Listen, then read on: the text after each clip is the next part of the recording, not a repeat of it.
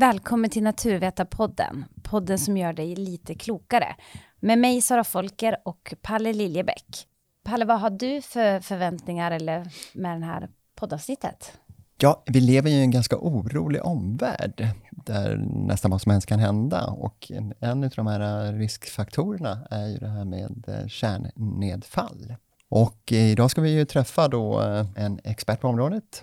Det är Thomas Palmqvist, doktorand i medicinsk strålningsfysik vid Stockholms universitet. Får se om han kan lugna oss, eller kanske tvärtom. Nej, det hoppas vi slippa. Precis. Så att han är välkommen in här idag och får berätta lite mer.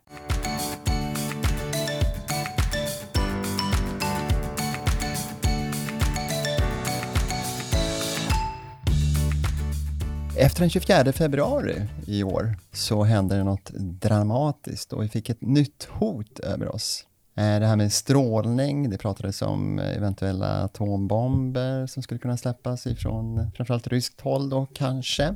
Om det här skulle hända, hur ska man agera som eh, medborgare i det här landet? Vi eh, från mitt håll som sjukhusfysiker så, så har vi tittat mycket utifrån ett medicinskt perspektiv som vi har tittat närmare på som jag kan berätta lite om senare. Men som medborgare är absolut viktigast är att, eh, att lyssna på myndigheterna. Eh, det, det är det man kan göra för sin egen och för andras säkerhet. De har expertkunskapen som, som behövs för att kunna hantera de här situa uppkomna situationerna. Så det är absolut eh, det viktigaste som eh, medborgare man kan göra. Om det skulle vara så att man inte får, mobiltelefonen funkar inte, eh, med meddelanden från Sveriges Radio kanske till och med skulle vara utslagna. Ja. Vad gör man akut liksom? Akut eh, är ju, man eh, förbereder sig på olika sätt. Eh, alla har olika förutsättningar. Man kanske måste eh, förbereda med eh, mediciner. Man kanske måste ha mat. Man kanske måste ha vatten vatten. Och du menar att man ska preppa lite alltså? Alltså, prepping är ju ett eh, sätt att förbereda sig. Och eh, eh, vi, vi ser ju att eh, omvärldsläget är eh, mera spänt nu än vad det har varit tidigare. Vi eh, måste eh, se hoten som, som de faktiskt är. Och förhålla oss sakligt till, till dem. Och och eh, eh, myndigheterna vill ju också eh, särskilt trycka på att vi bör ha en viss eh, beredskap hemma. Och då kan ju det vara lite olika beroende på hur man bor och vart man bor och vilka förutsättningar som man har som person. Så det låter på dig som att man skulle stanna inne helt enkelt då, om något sånt här skulle hända? Eh, att stanna inne, eh, det är inte jag som ska rekommendera det utan eh, eh, uppkommer det någonting i Sverige eller i Sveriges närhet så, så, så kommer eh, då kanske räddningstjänsten vara den som, och Länsstyrelsen som har hand om räddningstjänsten i de lägena vara de som kommunicerar utåt då också med hjälp av olika expertmyndigheter då, som kanske SSM, Strålsäkerhetsmyndigheten eller Myndigheten för samhällsskydd och beredskap. Men rent allmänt är man mer skyddad så att säga under jord eller inne i byggnad? Alltså, ja. Eh, vi inom strålskydd, hela, hela strålskyddet och alla strålskyddsåtgärder som man vidtar i sådana här lägen utgår ifrån tre grundprinciper. Och det är att eh, man ska så kort tid som möjligt eh, vara i, i närheten av strålkällan. Så, så man ska minimera tiden för exponeringen som man utsätts för ökar ju längre tid man, man infinner sig i närheten av strålkällan. Den andra principen är att eh, man ska hålla distans till strålkällan. Så om, om man eh, håller distans då minskar dosen också avsevärt jämfört med om man skulle stå på halva avståndet. Och eh, den tredje är då det, du, det här med att gå inomhus. Det handlar om skärmning. Att eh, man ska eh, mellan sig och strålkällan ha en slags skärm där, där strålningen dämpas då i huset till exempel. Då. Men det finns ju även då andra typer av skärmning också. som man eh, har till exempel inom vården eh, och, och, då kan det handla om ett blyskydd. Till exempel så, så kan man jobba liksom med ett blyskydd mellan kroppen och strålkällan för, ja, för de ändamålen man, man då vill. Är det ett sånt skydd man sätter på sig förresten när man eh, röntgar, när man utsätts för röntgenstrålning?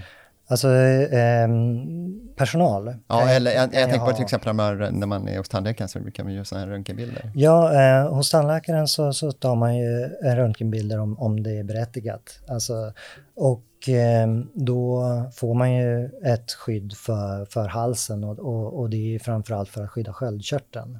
Eh, där talar vi att det är väldigt, väldigt låga doser. Mm. Men man, man tar till enkla strålskyddsåtgärder ifall de inte påverkar negativt på något annat sätt. Så strålskyddsåtgärder är någonting man, en, det är en värdering man gör. Är det här lämpligt att sätta in då? Och eh, att, eh, att ha då den här, ja vad ska man kalla det, eh, det här skyddet runt halsen som man ofta får. Det, det, det kan hjälpa lite grann. Kan det vara olika i olika hus? Jag tänker betonghus jämfört mm. med trähus till exempel. Är det någon skillnad där? Absolut, det, det, det är skillnad. Och eh, eh, i, i eh, flerfamiljshus till exempel som, eh, ja, som är uppbyggda av betong eller eh, de skyddar mer än vad eh, vanliga bostadshus i trä gör. Jag misstänkte men, det. Men har vi sagt som det, bor i trähus. Så, så, det, men eh, trähus är bra. Eh, men eh, tanken är ju att eh, det här ska skydda mot eh, intern strålning som man skulle få om man stannade utomhus och andades in någonting som är radioaktivt. Men går man in då och stänger fönster och dörrar, ventilation håller sig kanske till mitten av huset, då, då blir det svårare för strålningen att nå kroppen och lungorna. Så att eh, då reducerar man den interna kontaminationen som, som bidrar till dos. Och eh, sen så, så kommer det ju ändå eh, vara så att det kommer finnas partiklar kvar utanför huset så att säga. Men då har man alla fall skyddat sig från en av de här två eh, e-, exponeringsvägarna så att säga. Men påverkas vi olika av strålning? Eh, ja, vi, vi påverkas olika av strålning och eh, då kan jag ta eh, barn och vuxna som ett exempel. Barn är mer strålkänsliga än vuxna och till exempel då inom vården är det etablerat att det, att det är på det här viset och undersökningar anpassas specifikt efter det. Så att för samma typ av undersökning så ges mindre stråldos till barn Eh, jämfört med vuxna. Så mm, ett begrepp då som man förhåller sig till när man jobbar i de här miljöerna är ALARA. Det st står för, på svenska då för inte mer strålning än nödvändigt. Så, så som sjukhusfysiker, som, som jag är i grund och botten, då eh, jobbar man med en tät dialog med läkare för att kunna reducera stråldosen till den nivå där det fortfarande framgår till exempel om man har brutit ett ben eller inte. Så eh, det handlar liksom om att eh, då värdera varje situation eh, och frågan om nyttan överväger eventuella negativa konsekvenser som kommer i samband med strålningen. Om man projicerar det här på en radiologisk nödsituation så kommer aktuella eh, skyddsåtgärder för allmänheten att införas om då situationen kräver det. Och eh, personsanering kan vara en sån, men Eh, och då i den här personsaneringen så kan det vara, finnas anledning då till att barn och eh, gravida eh, går eh, före. För att eh, då ha i åtanke att alla drabbas olika. Och eh, så långt det är möjligt då så, så vill man gradera så att man kan eh, så långt det bara går ge ett likvärdigt skydd för alla. Om man tänker sig att man har fått en strålningsskada, eller man vet om det, eller har på känn på något mm. sätt. Mm. Hur agerar man då? Hur behandlingen, hur kan den se ut?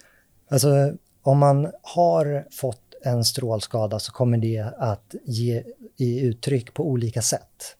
Så det kan handla om allt ifrån en rodnad på huden.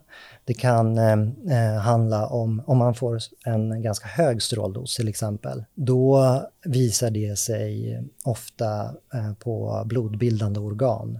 Så att man får mindre lymfocyter till exempel över tid. Så att om, om man kollar då på antalet lymfocyter vid en viss tid och sen vid kanske tre timmar senare och se om, om hur snabbt de minskar. Och då kan man också avgöra lite grann hur, hur man går vidare med, med just det fallet och den patienten. Och alla kommer kräva olika behandlingar så att säga. Men kan, så, men kan han om blodbyte eller? Alltså, jag kan säga det här att eh, blod är ju någonting som eh, kommer att vara en viktig faktor om, eh, om det sker en krissituation där många blir skadade och strålskadade. För blod är absolut en sån metod man kan använda för, för att få eh, patienterna att åter, återta en normal, eh, ett normalt tillstånd igen. Och vad är det egentligen som händer då, rent eh, medicinskt vid en strålskada? Är det cellernas DNA, påverkas de på något sätt? Ja, eh, och, och, och det, det, är exakt det som händer det är DNA som, som eh, då går sönder på olika sätt. Och eh, när cellerna då reparerar sig igen så, så är det inte alla som lyckas. Vissa celler går sönder eh, och eh, vissa celler reparerar sig felaktigt och eh, vissa celler reparerar sig då korrekt. Så, att säga. så då kan man kolla på kromosomerna hur de ser ut i efterhand. Så att eh, det, det är ett sätt som, som är vedertaget som man tittar på. Och det i sin tur kan leda till cancer? Och ja, i förlängningen så, så är det en, en så kallad stokastisk effekt. Eh, en effekt som, som uppkommer eh, vid ett senare skede så att säga.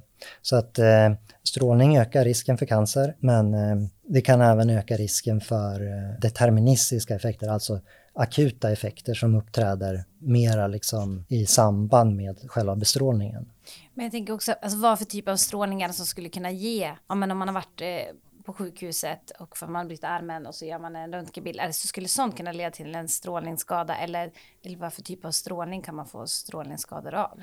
Alltså eh, det är viktigt att skilja på eh, joniserande strålning ja. och eh, icke-joniserande strålning. Och eh, joniserande strålning det är då eh, strålning som har tillräckligt hög energi för att kunna skapa, skapa jonisationer mm. talar man om. Och eh, det leder till att DNA går sönder. Eh, joniserande strålning det är vad, vad många brukar kalla för radioaktiv strålning. Mm. Men det är inte själva strålningen som är radioaktiv utan, utan det är ämnet eller då acceleratorn som, som skickar iväg partiklar då och det är det som är joniserande. Så den strålningen är, är det som påverkar celler på ett sätt som, som också kan leda till eh, stora hälsoeffekter. Men det finns alltså annan typ av strålning också, alfapartiklar brukar ja, man prata om. Eh? Alfapartiklar är ju en, en, en heliumkärna och eh, består av två protoner, två neutroner och eh, den är också joniserande. Sen har vi ju även eh, gammafotoner. Vi har röntgenstrålning som också är en typ av fotoner. Och sen så har vi äh, alla tunga partiklar, till exempel koljoner, vi har eh, protoner, elektroner. Alla de här ingår i paletten vad vi kallar för joniserande strålning. Och eh, vi kan hitta dem lite överallt i vår eh, omgivning.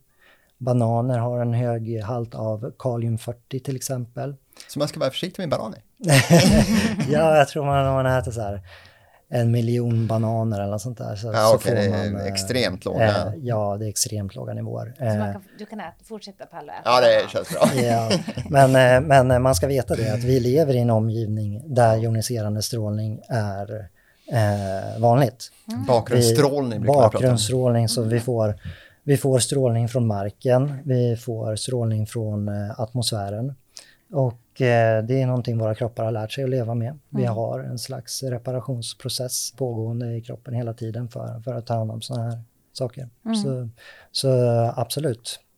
Jag tänker lite grann din forskning eh, när du tittar på risker och eh, mm. säkerhet. Handlar lika mycket om en eh, tänkbar kärnkraftsolycka som en atombomb skulle kunna, ja. kanske inte fällas här, men i vårt närområde?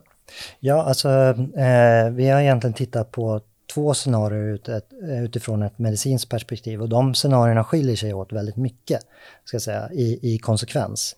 Eh, den ena handlar om en oförutsedd plats där en, en strålkälla utgör en risk för personer i dess närhet. Och den andra situationen handlar om retrospektiv dosimetri. Alltså man kollar retrospektivt e, i efterhand vad, vad man har fått. Då, vilken dos man har fått. Så.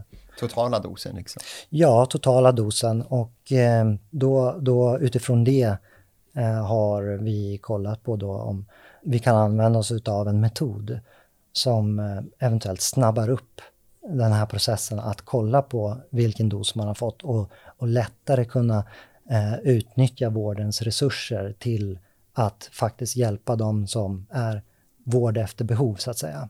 Men det låter ju ganska illa. Jag tänker på om min DNA förstörs. Som du var inne på, en del kan repareras, men inte allt. Ja, alltså det beror ju på vilken... Och där kan man alltså in olika behandlingar för att snabba på reparationerna, eller? Det, det, vi kollar på handlar inte om, om um, reparationer utan bara titta på hur skadade är de här cellerna. Jag kan bara nämna hur snabbt hur vi gjorde. Vi eh, har etablerat ett samarbete med, eh, med eh, Tyskland och i augusti i år så åkte vi ner dit och hade tre donatorers blod som, som vi bestrålade då med neutroner och fotoner vilket vi, vi anser är möjligt ifall man blir då offer för ett kärnvapen eller för en rejäl kärnkraftsolycka. Då eh, bestrålar vi blodet först med neutroner, sen med fotoner, så att vi ser den här kombinationen utav strålning som då är olika skadlig för blodet. Så att eh, genom att variera olika parametrar så, så ska vi nog kunna se då eh, på ett relativt snabbt sätt vilka skador som har uppstått då på vissa strålkänsliga gener, om man ska vara så det är liksom inte helt kört efter att man har blivit bestrålad? Alltså det beror på helt vilken dos man har fått. Ja. Man brukar prata om egentligen tre stycken eh, symptom man, man, eh, man kan få vid akut strålsjuka. Och det här är ju extremt höga doser. Man brukar prata om en ja, men kring, kring en sievert och uppåt så, så börjar det här med blodet att påverkas och eh, man kanske känner lite illamående och sådär. Men eh, sen så börjar det, om man går uppåt, eh, kanske mellan 10 sievert ungefär, så, så börjar mag och tarmsystemet kollapsa. Och eh, sen har man ännu ett steg och eh, där pratar man om hur ehm, centrala nervsystemet börjar. Eh. Men det här, är, det här är, jag tror det här har hänt i världshistorien ett fåtal gånger att, eh, att man har fått de här höga doserna. Det är normalt långt, långt, långt, långt mycket under det som, som kan bli aktuellt i ett av mina scenarier som jag har kollat på. Men vi kommer ändå märka det på något sätt. Säg till exempel att det är en, som jag var inne på, kärnvapen eller en kärnkraftsolycka. Kärnvapen kommer du märka. Ja, men det, det kommer man göra, ja. ja. Om, det skulle ske, även om det skulle ske till exempel i Ukraina. Det vore ju uh, otroligt sorgligt ifall, ifall det skulle ta den uh, vändningen. Men uh, de i, som har då exponerats av strålningen och överlevt själva explosionen, så de kommer ju absolut få de här höga doserna som jag pratar om. Så, så, så kärnvapen är, är, skulle jag vilja säga, farligare än vad man tror. Mm. Men eh, det handlar inte bara om själva sprängeffekten och de eh, dosimetriska parametrarna som, eh, som är då höga, utan även eh, hur påverkar det här samhällen och eh, relationer. Men tror du att strålningen skulle nå hit? Jag tänker på Tjernobyl här. Alltså, eh, ja, viss strålning kommer nå hit, men den eh, kommer vara så låg att den, den är bara detekterbar. Och det här handlar om, om då ädelgaser som eh, xenon till exempel. Den kommer ta sig runt om, ja egentligen eh, kanske hela norra halvklotet. Och eh, den typen av xenon mäts dagligen i Sverige och eh, runt om i världen på olika stationer inom nätverket för eh, CTBTO. Den organisationen som eh, har det här avtalet med länder som där testexplosioner är eh, då förbjudet. Och eh, i och med det avtalet så, så, så, utvecklar man verifikationssystem och då är det bland annat ett eh, svenskt system som heter Sauna. Och eh, det analyserar då de här, eh, den här strålningen som, som du pratar om. Men däremot så kommer ju inte den omedelbara strålningen komma hit, den som, är, som kommer döda människor vid eh, bombens eh, periferi så att säga. Mm. Så det skulle inte liksom skada oss så, men däremot skulle man kunna fortfarande mäta och se att det finns, men inte mm. bli skadligt skadligt. Nej, det skulle, Nej. man skulle kunna säga att då, då kommer det ingå i bakgrundsstrålningen. Mm. Och eh, med, med väldigt noggranna mätinstrument så mm. kan man detektera det. Mm. Det handlar, det handlar liksom inte om att det här skulle vara skadligt för, för eh, den all, allmänna. Mm. Men däremot så, så, har ju kärnvapen en, en, en annan effekt också och eh, eh, många kärnvapen påverkar ju också klimatet. Mm. Så att eh, det är många eh, växthusgaser som, som bildas. Jaha, det har inte jag tänkt på faktiskt. Men... Nej, man brukar prata om eh, nukleär vinter. Ah, okay. mm. och det, det är ett begrepp då som, som inte jag riktigt har jättebra koll på. Men, men, men, men tanken med, med det här är att det kommer att ett kärnvapenkrig kan då leda till att det brinner väldigt mycket. Eh, och det kommer frigöra eh, växthusgaser och, och det kommer bildas ganska stora dammoln som, mm. som, som kanske då kyler ner jorden och eh, försämrar för, för jordbruk och eh, eh, växter och miljö och, och människa och verka. Liksom. Mm.